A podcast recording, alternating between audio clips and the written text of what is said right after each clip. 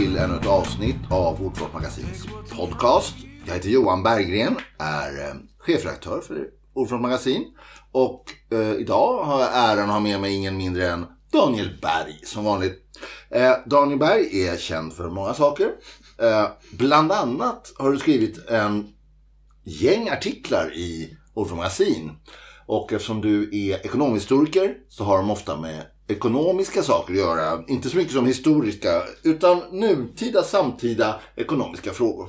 Ja. Och eh, eftersom vi är inne i vårt 50 år, ordförande fyller 50, och vi har sagt att det ska vara ett positivt år. Och det passar extra bra tycker jag, för att hela världen har nu till slut kommit på vad vi 20-30 år har tjatat om att klimatkatastrofen står för dörren. Eller till och med har öppnat dörren och satt in en fot. Och det är hög tid att göra någonting.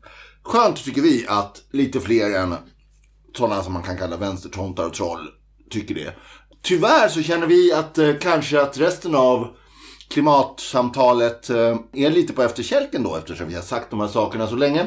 Så vi försöker ta nästa steg ut genom dörren med klimatförändring, nämligen att prata om vad man kan göra rent konkret. Någonting som ger oss anledning att försöka ha lite hopp. Och när man tittar närmare på så ser man ju att vi styrs av ett kapitalistiskt system med eh, stora pengar som görs på mycket produktion som är mycket klimatovänlig. Men har vi något större inflytande över den här delen av samhället, Daniel Berg? Vi eh, har ju inflytande politiskt över vår finanspolitik. Aha! Men den är å sin sida väldigt mycket styrd av gränser och ramar som sätts av penningen. Just det. Och penningpolitiken. Och inte så påverkbar kanske av, om man nu vill hålla den här omställningen inom någon sorts parlamentariskt demokratiska ramar, så, så är det inte ändå så mycket politikerna kan göra. För det är de vi vänder oss till. Rädda oss från klimatförändringarna. Men visst. vad kan de göra? Nej, de kan ju egentligen bara förhålla sig till eh, en budget. Ja. Eh, statsbudgeten. Aha. Och den kan inte expandera utöver vissa ramar anses det. Därför att man är rädd för att det kan skapa inflation. Mm. Och inflation det är ju någonting som eh, bestäms av hur mycket penningen är värd år för år. Och ska vi ju då säga till, för att komplicera den bilden med ganska impotenta demokratiska församlingar i dagens eh, värld, så, så flyter ju den här penningen över alla gränser. Ja. Bortom alla politiska påverkningsvapen som finns idag. Det svenska parlamentet eller riksdagen kan ju ta beslut som gör att då penningen flyr Sverige. Ja, men precis. Om vi skulle införa en jättehög skatt på fossila bränslen till exempel så skulle investeringar fly Sverige. Och ehm, det skulle inte få den verkan som man hade hoppats på, minskade utsläpp. Så då är frågan, den som styr pengarna, styr. Just det. Ja. Och vad är då pengar, Daniel? Berätta för oss om pengar idag. Väldigt radikalt och enkelt uttryckt så är pengar betalmedel med tre funktioner. Det behöver vi inte gå in på. Nej. Men de skapas inte utav staten eller av eh, det demokratiska samhället. Utan de Nej. skapas i det privata banksystemet. Ja. Som kreditpapper, alltså som lån. Ja. Så alla pengar vi använder idag, förutom sedlar och mynt, Ja. är inlånade via det privata banksystemet. ja. Och det Så här... egentligen vi alla, vi är liksom, banker äger allting egentligen. Bank- Kreditsektorn har våra rumpor. För att använda pengar måste vi vända oss till det privata Mm. banksystemet. Och eftersom vi måste använda pengar för att betala skatt och göra vad som helst i ett kommersiellt Mm. samhälle så ger det de här privata bankerna som har den här rättigheten då, Mm. given utav riksdagen, en eh, oerhörd makt Ja, eh, att sätta just penningpolitiken eh, Just i rörelse. Så, för att egentligen komma åt hur världen styrs och påverka processer, förhoppningsvis då åt ett håll som kan rädda oss, så måste man kanske ha makt över pengarna. Det är en tes som vi har drivit i Ordfront i många år. ju, I, I artiklar som jag har skrivit nu, Mm. Mm. i alla fall i tio år. Som handlar i det här gränslandet mellan finanspolitik, börsernas spel och budgetens ramar och penningpolitiken. Mm. Ja. Alltså hur pengar skapas. Ja, Och som då sätter ramarna i en bredare bemärkelse för hur budgeten kan formuleras demokratiskt. just Där har vi ju artiklar där jag allra senast intervjuade den här penningteoretikern Bernard det. som kom. Han dog nu i, i vintras. Belgare, precis. Ja. Eh, Han hade ju då som förslag att man skulle kunna ge ut lokala pengar. Det här har ju Alf Hornborg varit inne på. Många i en rörelse som heter Positiva pengar har varit Ja. också med att formulera sätt progressiva, radikala, men samtidigt väldigt pragmatiska reformer Mm, just det. för att Och det är det man vill åt i det här stadiet av klimatförändringen har redan gått för långt. Vi kanske förlorar fönstret på att faktiskt kunna göra någonting, någonting, vad som helst. Mm. Kanske det, folk pratar om 10 år, de pratar om 3 år, de pratar om 20. Det vet vi inte, men vi vet i alla fall att det är ett fönster som stängs varefter det inte spelar någon roll alls. Mm.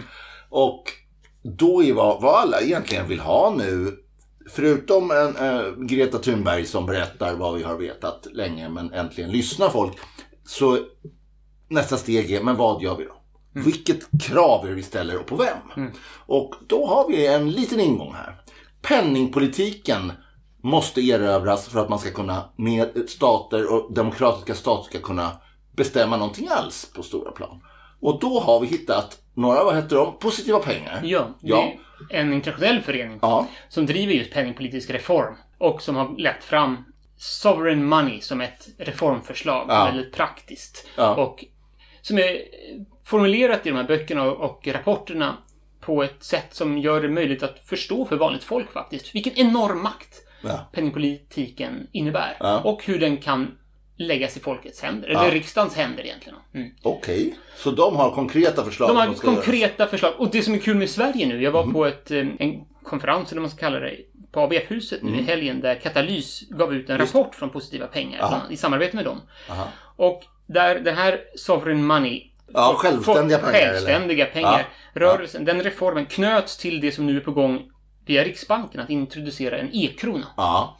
För Riksbanken har sedan 2016-17 eh, tror jag mm. haft idén att ge ut då sedlar och mynt men i elektronisk form. Just, just det. Och det som är unikt med sedlar och mynt ja. det är ju att det är pengar som ges ut utan ränta. Nej, just det. Precis. Och som är direkt kopplade till Riksbankens ja. konto. Då. Ja. Det är inte fallet för 95-99% av pengarna som då skapas i det privata banksystemet. Det som Sovereign Money-reformen då vill göra, det är att med den här redan pågående e-kronereformen knyta den till en mer radikal penningpolitisk mm. reform. Där de här e-kronorna blir det enda legala betalmedlet. Mm. Det skulle alltså återföra makt till den demokratiskt styrda delen av samhället, nämligen politiken, åtminstone i vissa länder som Sverige, från den odemokratiskt styrda delen, nämligen kapitalets ja. värld, näringslivets värld, börsens värld. Det är uh, helt hisnande om man ser på vad som skulle kunna bli de effekter som påpekas i de här eh, rapporterna. Men där låter det positivt om något. En väg, någonting att göra. Låt oss ringa upp. Eh, Samuel Kassen Orrefur heter Aha. han. På Positiva Pengar. Ja. Låt oss ringa honom och fråga lite mer konkret vad vi kan göra. Hallå, hallå. Hej Samuel! Det är Daniel och Johan från Nordfront. Hej Samuel, trevligt. Det är Johan Berge. Hej. Kul Tack. att du ringer. Jag lyssnade ju på ditt, eh, din dragning på Katalys nu i eh, helgen. Och det som slog mig var hur det, den här e-kronreformen som Riksbanken föreslår kunde knytas till Sovereign Money-reformen. I tre mm. steg, förstod jag det som. Absolut. Vilka är de tre stegen? Det låter så lätt plötsligt. Mm. Ja, det första steget är att Riksbanken helt enkelt implementerar förslaget till en kontobaserad e-krona som de diskuterar i sin andra e-kronerapport. Och det skulle innebära att alla medborgare och alla företag i samhället får tillgång till konton med pengar som ligger hos Riksbanken, mm. som bara finns på Riksbankens balansräkning. Digitala pengar utgivna av Riksbanken. Och skillnaden mellan dem och pengarna som vi har på vårt, vårt vanliga konto när vi loggar in på Swedbank till exempel, det är att de här kontopengarna som vi har idag, de står ju bara på en skuld från Swedbank till oss eller från Nordea till oss. Och det, det är inte pengar som i själva verket, själva verket finns där, utan det, det är bara en notering då de här privata bankernas balansräkning, att de, de är skyldiga oss att betala det här beloppet. Om vi till exempel skulle gå till en bankomat och vilja, vilja få ut pengarna, då skulle de behöva skaffa fram de här pengarna. Mm. Om alla kunder skulle göra det samtidigt skulle banken inte, inte ha de här pengarna. Då skulle de gå i, gå i putten. De skulle få likviditetsbrist. För de måste vända sig till centralbanken för att få just sedlar och mynt? Ja, det måste de göra. Men för att de ska kunna få sedlar och mynt av centralbanken då måste de ha någonting att, att betala med. Mm. Då kan de till exempel använda pengar som finns i det slutna betalningssystemet i RIX som bara är tillgängligt för, för, för bankerna. Okay. Nämligen Riksbanksreserver Aha. kan man kalla dem här, eller centralbanks pengar, en elektronisk form av centralbankspengar. Mm. Sådana har de till viss del. Det, det, kan de använda för att betala Riksbanken och, och, och, få kontanter. Men, men om de inte har det, då måste de ju ta ett lån av Riksbanken. Då måste de ha någon säkerhet som de intecknar som, för, för, för att få det. Just det. Och du menar att de har inte täckning för all, alla pengar de har gett ut i de typen av inteckning? Nej, de har inte täckning för, för det. Så vi har en penningmängd på 2800 miljarder idag. Och 98 procent av den penningmängden den, den består bara av, av skulder egentligen från, ja. från affärsbankerna till ja. oss. Det finns ju regler om kapitaltäckning och sånt. Så. Just det, det är det man får höra från handelsekonomer. Sådär, att, men det här är ju inte pengar de skapar ur tomma luften utan det här har de ju täckning för. Mm. En, enligt eh, Basel-regelverken så, så, behöver bankerna i genomsnitt en krona i eget kapital för att låna ut 33 kronor. Ah, det, är, det är den ration där. Vi har, vi har lite högre lite högre i Sverige på, på grund av egna regler. Mm. Ah, okay, Men det, det de här kapitaltäckningskraven säger egentligen, det är, det att de, de kräver att, att bankerna ska ha tillräckligt mycket säkra tillgångsslag på sin sin tillgångssida i balansräkning för att de ska få, mm. få låna, ut, låna ut pengar. Och kostnaden som är förknippad med det är egentligen att då, då kanske bankerna håller lite mindre fördelaktiga tillgångsslag som inte ger dem riktigt lika hög avkastning för att de ska uppfylla regelverken. De här kraven kräver egentligen inte att, att de har pengarna själva utan kraven kräver att de har tillgångsslag då, till exempel ja, säkra fordringar. Eh, fordringar, ja. ja. säkra fordringar på sina kunder. Just. Ja. ja, det där är ju en... Eh... Det låter som ett volatilt sätt att göra pengar. Men man ser att det går fel ibland också genom historien. Ja, bankerna är ju... De, de har ju ganska starka incitament att, att skapa och låna ut så mycket pengar som, som de kan. Så länge det finns folk som är, är kreditvärdiga och som efterfrågar lån. Och det, mm. så, så, så vill de ju då vill de ju skapa och låna ut så mycket pengar som möjligt. För då tjänar de så mycket ränteintäkter som det. som det bara går helt enkelt. Mm. Det i en i en högkonjunktur så, så går ju det här väldigt snabbt uppåt och väldigt bra. Då skapar de låna ut alldeles för mycket. Och mm. Om vi fastnar i en låg, lågkonjunktur så kan ju bankerna bli väldigt skeptiska istället och ha låg tro på... Mm. Tror de inte att någon är kreditvärdig eller att någon vill inte låna ut lika mycket. Och då stiger likviditetspreferensen då, som Keynes säger och man får en depression. Ja, då kan man hamna i Berätta mer om den här e-kronan, den, Riksbankens e-krona. Eh, hur, det här var steg ett mm. helt enkelt, och implementeras den? Enklaste sättet att, att implementera det på det kunde vara att eh, Riksbanken skapar en form av e-kronkonton. Mm. Som då, an, antingen kan medborgarna själva logga in på sådana e-kronkonton direkt gentemot Riksbanken. Mm. Eller, så kan, eller så kan man gå, gå via bankerna som ombud. Då, så att, så att jag, jag som medborgare kan, kan välja en bank eller vilket företag som helst som får administrera själva e-kontot åt mig. Fast det som är det väsentliga och det viktiga är att pengarna på själva kontot, de finns bara hos Riksbanken i Riks Riksbanks betalsystem. Mm. Och siffran här på kontot, den, den, den är bara en, ett, ett sätt att uh, hålla räkning på de här mm. pengarna som, som finns i Riksbanken. Det, det, är det som är väsentligt. Sen kan man ju implementera det på olika sätt. Mm. mm. Direkt kundkontakt från Riksbanken till folket eller, eller mm. att det går med ett ombud. Och det här innebär ju då att eh, vi får ett 100% säkert betalningssystem egentligen som inte kommer gå i, i putten ah. till en, en finansiell kris. Ja, men så som det då, om, om, om, banken, om banken skulle, skulle gå i, i, i, konkurs så att banken inte kan betala sina skulder, då försvinner ju våra pengar. 98 procent av våra pengar är ju bara bankernas skulder. Just det. Just det.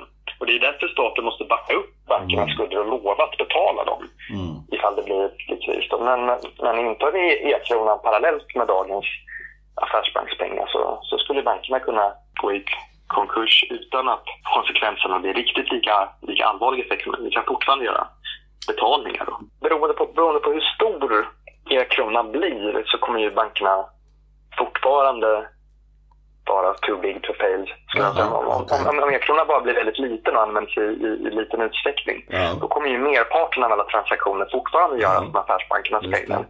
Och då är ju inte systemet särskilt säkert. Går, går bankerna i putten försvinner ju pengarna så staten måste rycka in.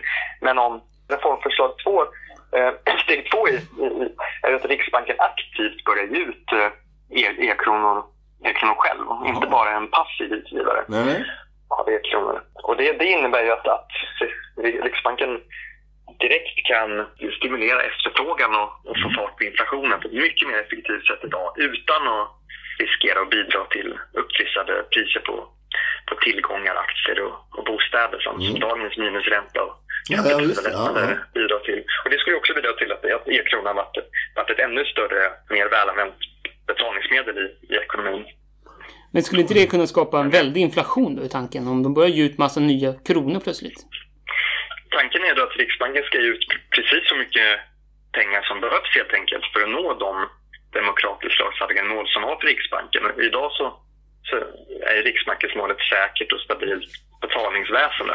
Och det är ganska svår, svårt för Riksbanken att uppnå, uppnå sin, sin, sin målsättning med de verktyg mm. som man har idag. När man eldar på med, med minusränta och, och ja, ja. kvantitativa lättnader så man kan ju säga att det är någon sorts nyliberal trickle-down economics ja. där man pengar pumpas in på, på bostadsmarknaden och på, på börsen och bidrar till upptrissade tillgångspriser. Sen är det lite som sitter ner i, ja. i, i realekonomin och bidrar till ökad efterfrågan på konsumtionsvaror och tjänster och bidrar till inflation. Det, är väldigt ineffektivt. Det är som att skjuta mygg med kanonkulor skulle man kunna säga mm. säga närmast. Men man, om man tar i riktigt, riktigt mycket då kan man till slut få bort på inflationen med den här metoden. Men, mm. men det, är, det är inte effektivt. Det vore betydligt bättre om Riksbanken kunde ge ut pengar direkt till staten eller direkt till medborgarna. Mm. Då skulle de kunna få fart på efterfrågan och på ekonomin, inflationen effektivare. Då.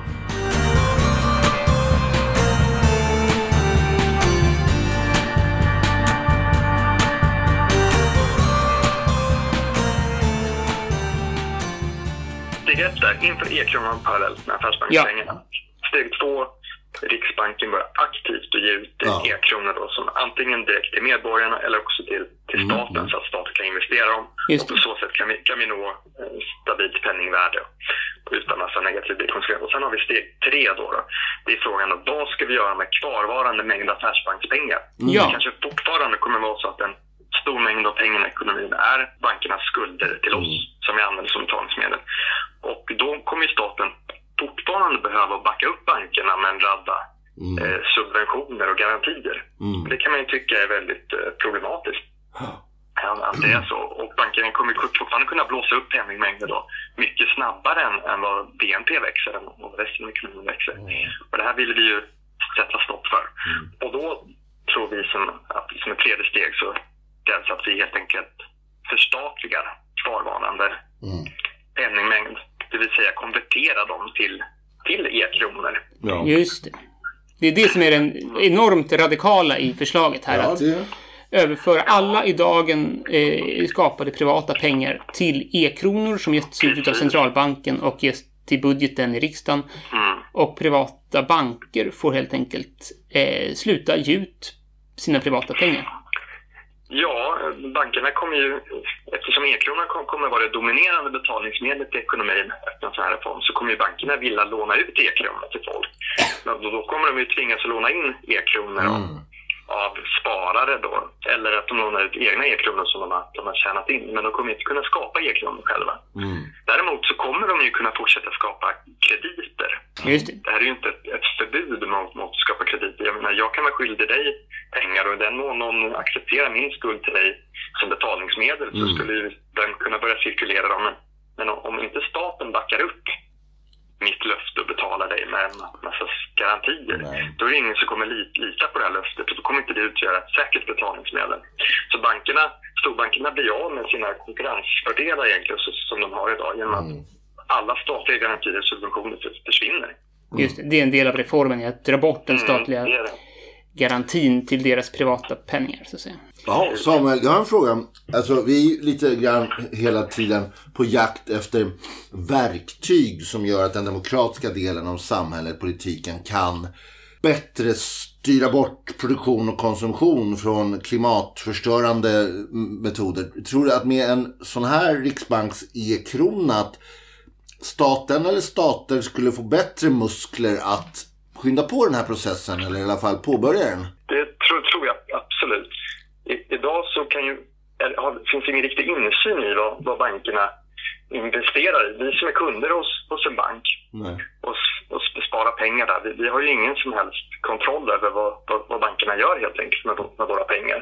Nej. Men efter, efter en sån här reform så i den mån som bankerna vill använda de e-kronor som, som, som vi sparare har ja. för att investera i någonting, då måste vi ge aktivt godkännande. Mm. Då måste vi stoppa in dem i till exempel en investeringsfond som investerar i solpaneler. Mm. Och då är det bara det som den investeringsfonden kommer, kommer att investera i. Ja.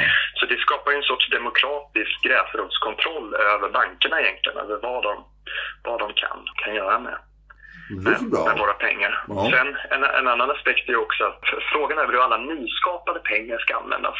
Det kommer bli ett demokratiskt beslut. Ja. Antingen via via statsbudgeten eller också via pengarna går direkt till medborgarna så att det är vi som, mm. som bestämmer ja. hur de ska användas. För det är det jag tänker idag. Det finns en enorm känsla för klimatförändringar. Vi måste göra någonting. Eh, men mm. de som, till och med de som går i demonstrationerna och eh, är väldigt engagerade, inte flyga, de har ju sina pengar på banker.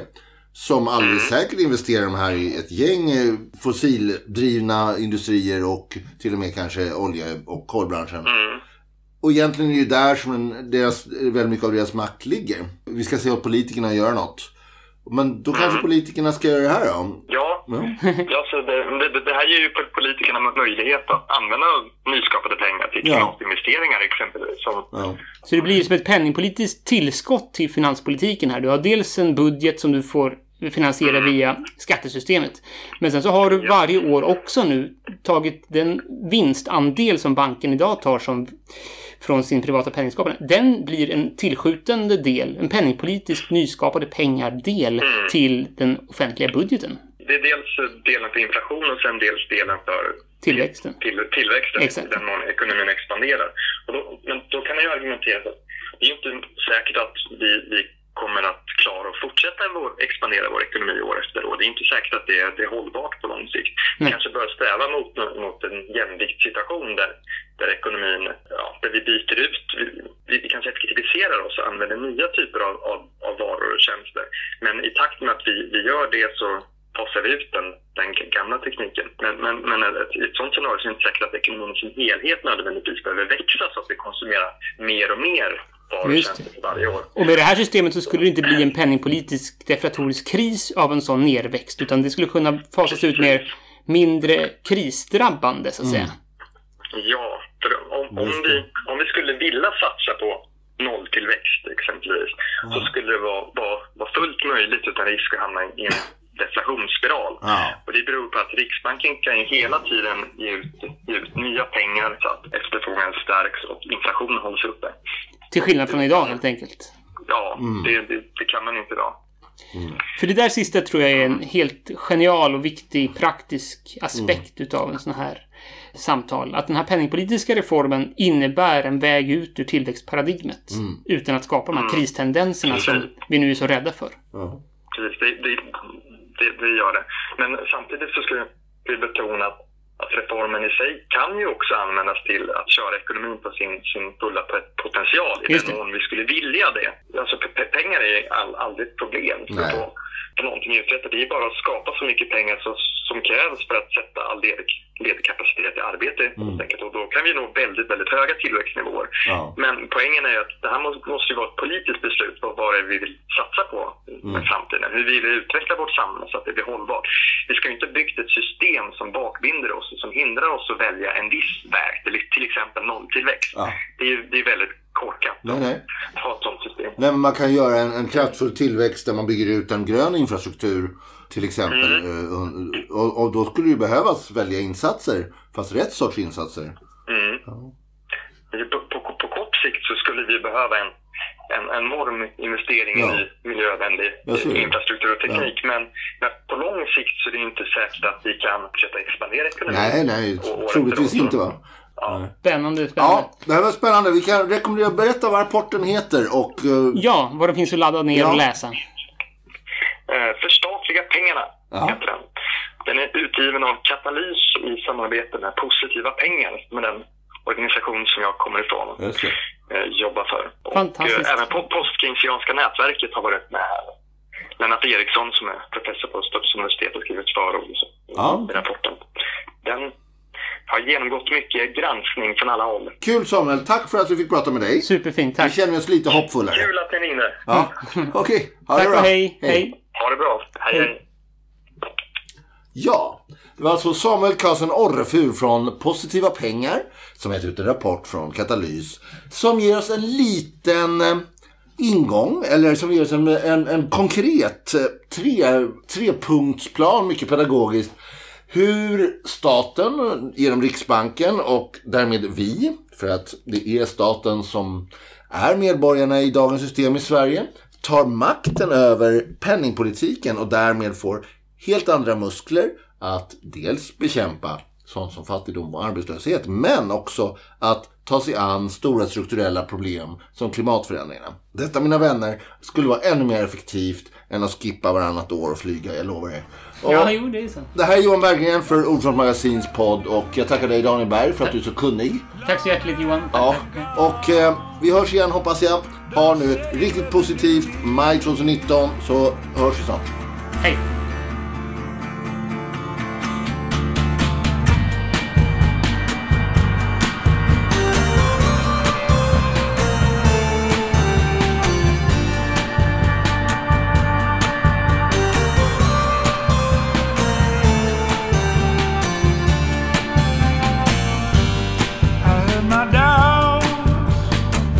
So you